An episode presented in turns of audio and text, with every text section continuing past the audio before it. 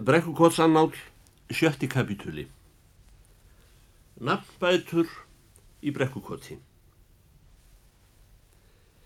Einkennilegt. Eins og ég var kunnugur þar í brekkukoti. Svo kunnugur að mér fannst ég hefði líka áttar heima áður ég fættist. Og þó þessi kona, hún amma mín, hefði bæði kent mér að tala og hugsa og endað á því að kenna mér að lesa. Þá kom það flatt upp á mig þegar einhver sagði mér mörgum árum setna að hún hefði ekki átt rúm að sofa í heima hjá sér. Ég var þá að kannast við að einu skiptin sem ég hefði séðan að sofa Það var þegar hún satt á neðri hlóðarsteininum í eldhúsinu hjá sér. En hann skaraði dálítið fram og hallaði sér upp að efri hlóðarsteininum. Höfuðið sé ífram og prjónarnir fjallu ásamt með höndum hennar og ný kjeltuna og hættu að tifa dálítið stund. Það rétt aðeins glóriði í eld í hlóðunum. Mér er sagt að aldrei hafi nokkur maður síðan að ganga til sveps að kvöldi. En ef einhver staðar var laust bæli, hafi hún kannski flykt sér, rétt blá nóttina. Annars láti næja að halla sér upp að téðum hlóðarsteini. Vistur um það að hafi hún sofið. Þá sopnaði hún ekki fyrr en aðrir voru gengnir til náða. Og aldrei fór nokkur maður svo snemma á fætur í, kotinu að hún veri ekki komin á stjá á undan og búin að hafa til kaffi og jafnvel alltaf gröð og það man ég líka alveg fyrir vist að aldrei dó í hlóðunum hjá henni þá tíð sem ég var sonur hans, afa míns og hennar ömmu þar í brekkukoti. Frá því greinir hér að framann er kona þessi brindi fyrir mér að drepa ekki flugur í annara manna húsum. Nú skal sem snöggvast minnst á enn eina kennisetningu er ég nam af henni og kannski tvær. Þegar skjalda var látin út á mótnana að áliðnu sumri og ég ótt að reyka hann í haga þá hafði kýrin þann ósið að leggja hálsin yfir grindverksmyndina kringum gullrófubeðin og fara að býta kálið ofan af róunum. Grindverkið var reyndar orðin okkur þottfálegt og úr sér gengið, húið og mosa gróið og stóð víða ekki upp úr rænfangi, hvönn og njólarunnum. Svo kýrskeppnunni var kannski vorkun þó hún tæki ekki marka á svona gyrðingum en ef hún komst í að býta kálið þá greip hana slíkur ákafi að hún tók ekki eftir þó ég lemdi hann af öllum lífs og sálarkröftum með njóla. Ég hefði þessar myndi lært dálítið í bölvi hjá ýmsum góðum mönnum og þegar kýrin rótaði sér ekki við alla þessa barsmíð þá hefði ég til að æpa helvítis beinið þitt skjalda og sitt hvað fleira af því tægi. Þetta sumar hafði borgfyrðingun okkur í vorferð glemt hjá okkur hundi. Hundgreið beigð hjá okkur allt sumarið. Uns húsbóndi hans kom í höstferðina og sóttan. Þetta var eins og að gamall sveita hundur. Honum leittist hjá okkur því hann var alltaf að hugsa um húsbónda sinn og hvernig áþvísta gæti staðið að maðurinn hefði glemt sér. Hann lág oft fram á lappir sínar í krossliðin okkar eða á bæjarhellunni og hafði opnar glirnurnar og þetta átakanlega hundaþunglindi í svipnum. Og ekki bætti það úr skák að kattar fyrir mununin var alltaf að limskast einhver staðar í kringum hann. Þessi bröndótti flækingsköttur hefði líka sest upp hjá okkur. Hundgreið var sjálfur gestur og hefði sig ekki upp í að fara eldast við kött á ókunum bæ. Amma mín veikstundum róði og beini að þessum hundi ef hún átti leið framhjá og æfinlega með sama formála.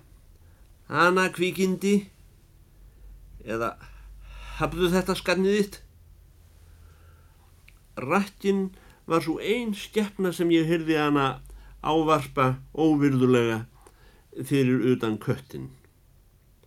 En það kom ekki fyrir að hún myndist á köttin öðruvísi en það kæmi í andlítið á henni dálitil mæðu gretta eins og þessi skeppna væri einhvers konar hvimleið ættarfylgja sem hefði verið henni og hennar fólki fjöturum fót frá ómuna tíð.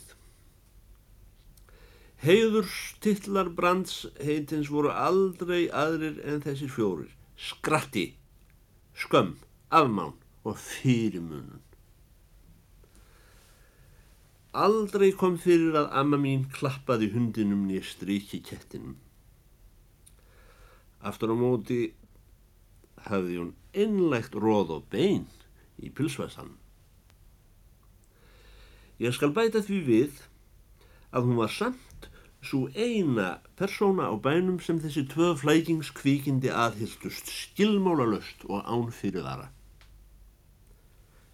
Hvar sem hún hreyfði sig um partinn okkar, þó ekki nefnum skrippi út á stakk, Óðar voru þau komin utan um hana á næstum onni hana, rakkinn með fasmiklum vinalátum, en kísa nuttaði sér malandi upp við fótinn á henni og sperti stýrið beint upp í loftið með fagurlegum krók efst.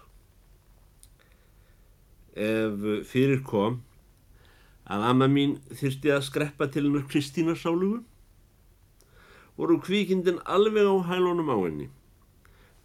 Þanga til komað kirkjugarðslíðinu náttúrulega. Það hleyftjum þeim ekki inn. Nú er það til máls að taka, sem fyrr var fráhorfið, að kýrin stendur með hausin yfir grindverkið að býta nýsbrottið kálið. Svo ég hugsa með mér að nú ber ég vel í veiði þar sem komin var hundur á bæin og siga nú hundinum á kúna. Þegar álega dægin var heitt í veðri, snati lág fram á lappir sínar á hlaðhellunni með opnar glitnurnar og var áreðanlega að hugsa um húsbónda sinn af hverju hann fær ekki að koma. Ég þóttist sjá að kvikindis greinu kem ekki dúr á auða fyrir leiðindum. Svo ég tilti mér á hlaðhelluna hjá honum og fór að klappa ón á hann eins og gert hefði verið í mig þegar ég var lítill. Ég tók nú til að syngja við hundin hvæði það sem hér kemur á eftir og ég bjóð til sjálfur undir lægi sem ég samt um leið og var svo viðkvæmt að ég bryndi músum með að ég var að syngja það. Blessaður hjartahundurinn sem hundar flestir lofa, svíf þú með hundum engla inn í engla hundakofa. Nú líður framundir miðjan aftan og verður ömmu minni gengið út úr kotinu að líta á kálið í góða verinu og gengur hjá mér þar sem ég er að skemta mér í grasinu. Hún tók vist ekki eftir mér. En neðan hún er að skoða kálið og snýr sér undan mér þá heyri ég ekki betur en hún segi eins og hún væri að tala við sjálfa sig Já, vonað, mér hafi mishyrst í morgun að einhver hér á bænum hafi verið að tala ljótt um kúna. Ekki ger ég það, gell ég þá við. Það mjögst að kosti vona ég enginn hafi heist að björn hérna í brekkukoti gera það, saði hún. Beljan fór í kálið, saði ég. Ég veit fátt ég bljóttu að tala illa um kú, saði amma mín. Nefna ef vera skildi að setja á hana hundin. Kýrin gefur okkur mjölkina. Kýrin er móðir okkar allra. Lóló mín lappa, sára ber þú tappa. Blessu stjefnan er sagt um kúna. Ég saði ekki neitt. Hún held áfram að skoða undir kálið, hvort hverki væri róa mátulegu í súpuna. Og sem hún heldur áfram að bóra þarna heyri ég, hún segir enn inn undir kálið. Hún alltaf hafi verið að blessa hund hér undir vekk í dag. Ekki mægi til að ég hafi verið að því, segi ég. Mér heyrðist einhver verið að blessa hund, saði hún. Aflíklega við í misheil. Um hunda er sagt grei, garmur og skarn.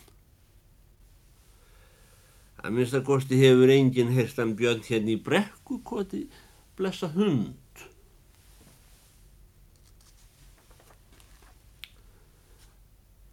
Sjöndi kapitúli. Gattavýr í Hemskoti.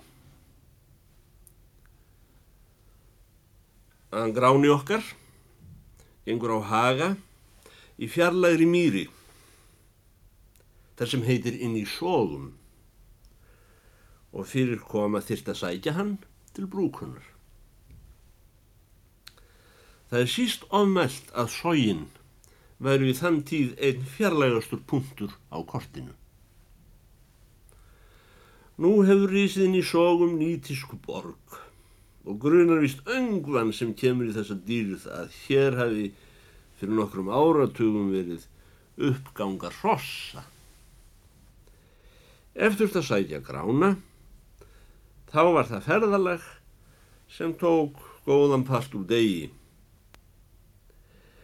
Inn í sógum er svo lítill mýralækur sem heitir sógalækur.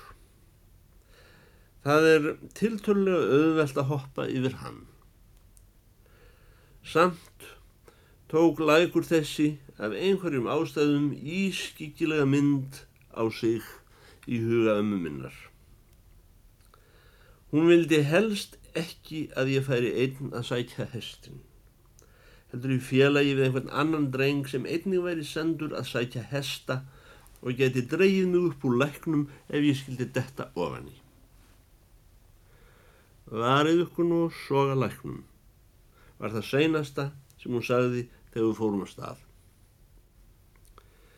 og þegar við komum aftur um kvöldið með hestin eða hestana þá spurði hún á undan öllu öðru var mikið í sogalæknum í dag ef hann gerði dembu þegar gráni var í mýrinni og hætta var á að snöglega þyrst að sækjan. Þá mátti heyra gömlu konuna tauta fyrir munni sér. Æ, óskup held ég að vaksi í sogalæknum núna. Nú ber svo til einu sinni, sem oftar, að ég er sendur að sækja hest inn í sóg. Sammeldur við aðra stráka sem fóru sömu erinda. Þetta gerðist um þær mundir eigi allöngu eftir búastríðið sem Gattavírs öld var að hefjast á Íslandi.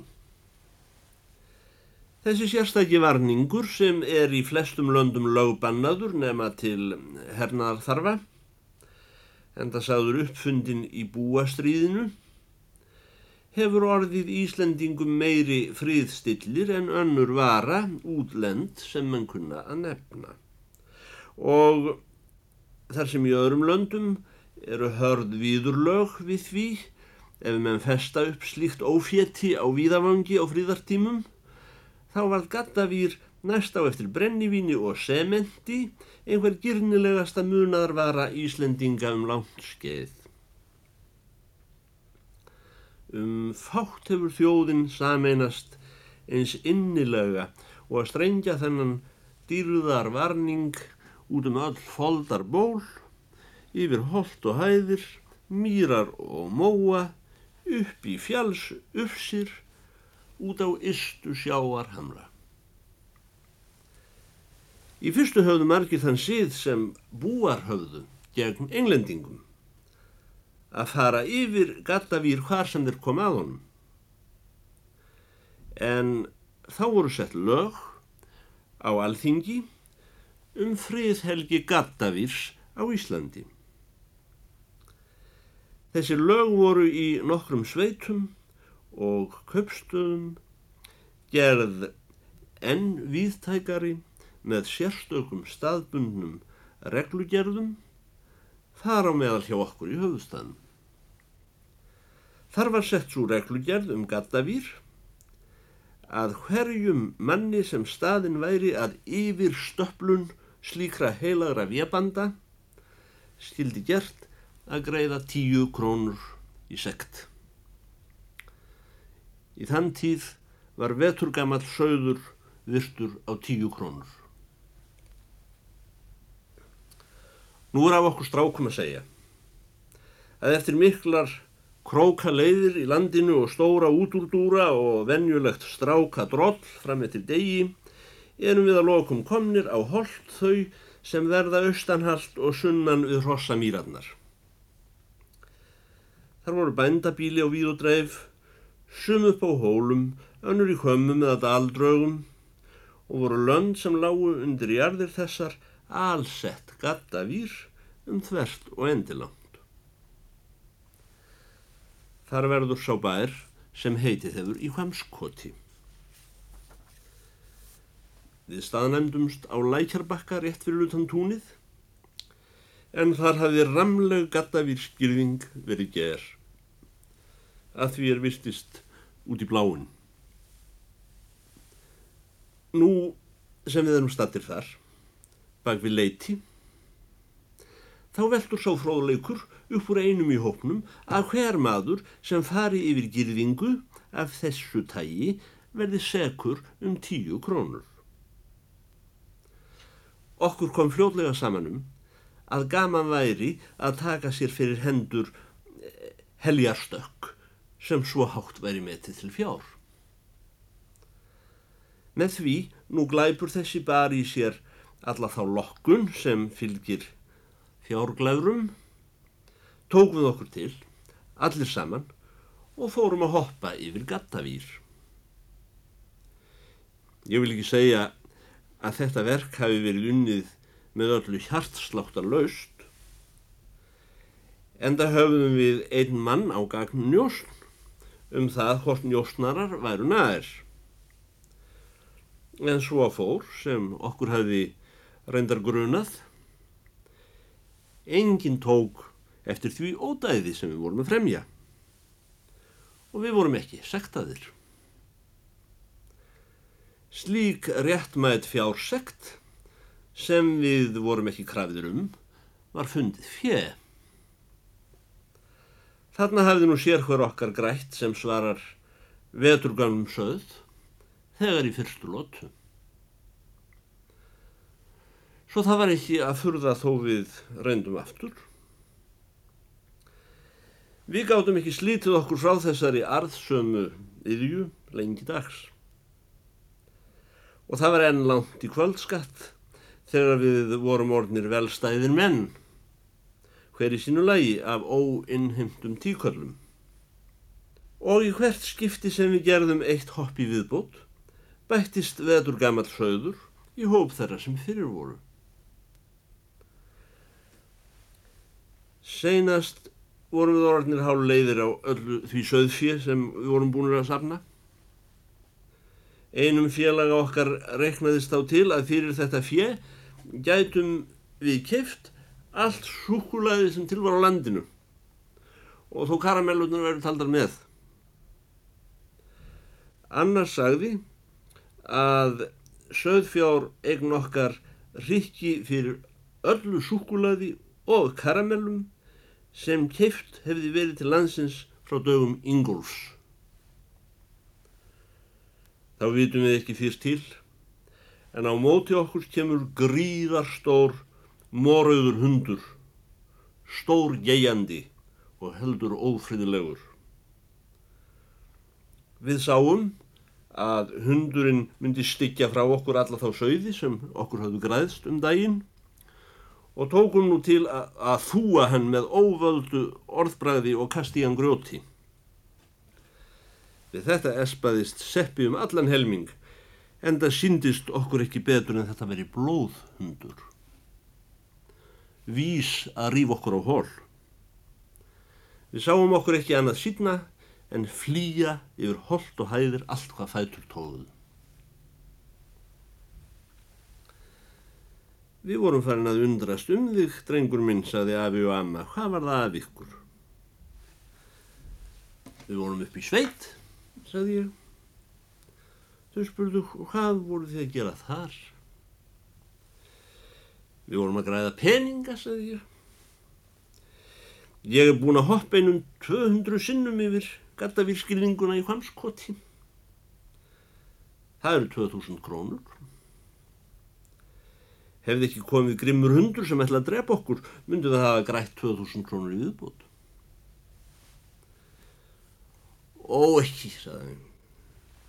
Æjæja. Hann satt á lúkonum út á kálgarðsvegg eins og stundum bara við í góðu veðri á kvöldin og gretti sig við frásögn mína líkt og hann hefði fengið kveisu en til þess átti hann vanda ef hann heyrði eitthvað skoplegt. Ó ekki. Æ, æ, æ. Amma mín stóð í bæjardýrum og horfið lengi á hann. Fleira var ekki sagt á því kvöldi. En nokkrum dögum síðar, þegar mig varði minnst, þá hefst amma mín upp við mig af hljóði og segir svo. Það hefur orðið útslægið að ég en ekki að björn hérna talaði við þig út af gattavirskilningunni í hvamskoti, grímur minn. Hvaða gattavir er það, amma mín, saði ég, því ég var búin að gleima fjárglæfra fyrirtækinu sæla. Já, þið eigið að vita það skeppnundan mínar að það er á móti landslögum hér á Íslandi að fara yfir gattavýr, sagði konan. Þetta var leikur, amma mín sagði ég, það þarf engin að borga peninga. Verstu vissum að hann Jóni Hvamskoti hefur horst á ykkur, sagði amma mín. Hann Jóni Hvamskoti er góður kunningi hans björs hérna í brekkukoti. Það sem Jóni í Hvamskoti mislíkar, það mislíkar byrni í Brekkukoti. Hver sem fer yfir gattavýrinans Jóns í Hvamskoti, fer yfir gattavýrinans Björns í Brekkukoti. Ég gæti ekki sagt neitt. Þó ég vissi vel að aldrei myndi sá dagur koma að Björn í Brekkukoti kipti gattavýr. Ég þagði. Hitt vissi ég sem sé allt og vel að sér hver yllur verknaður sem aður vinnur er engum og sér í lagi framinn gangvart honum afa mínum. Byrni í brekkukoti. Hvað á ég að gera ama mín? Ég ætla að fá þér nesti og nýja skó og senda þig fram á hamskot í dag, sagði hún. Ég ætla að byrja þig að gera bóð fyrir konuna þar. Segðinni hvaða þú sért og berðinni hverju frá mér kettlingunni sem er hjá honum bytni í brekkukoti. og ferðinni frá mér þannan bröðleif. Amma mín var sum sé eitt mestur listamaður sem menn vita í því að segða pottbröð. Þegar búið var að líta eftir skónum mínum, laði ég á stað fram að hramskoti með þetta mikla pottbröð í poka á bækinu, 2000 króna pottbröð, 200 sögða pottbröð. Þetta pottbröð sem var meira virði en allt súkulaði Íslendinga frá landnámstíð til þessa dags og þó karamellunar verið meðtaldar. Amma mín stendur við krossliðið okkar og kallar á eftir mér. Og varaði nú á sogalæknum grímur minn. Hlauft ekki yfir hann þar sem hann er þröngur og djúpur vattu en heldur þar sem hann breyðir úr sér. Já, amma, sagði en þegar ég hafi gengið nokkur skrefið viðbót kallaði hún aftur á mig. Og ef þú meitir hundinum grímur minn þá mundu mig um eitt skamma aldrei annara manna hund. Ef þú meitir hundi þá loðunum að þefa af handarbækin á þér og honum verður óðar hlýtt til þín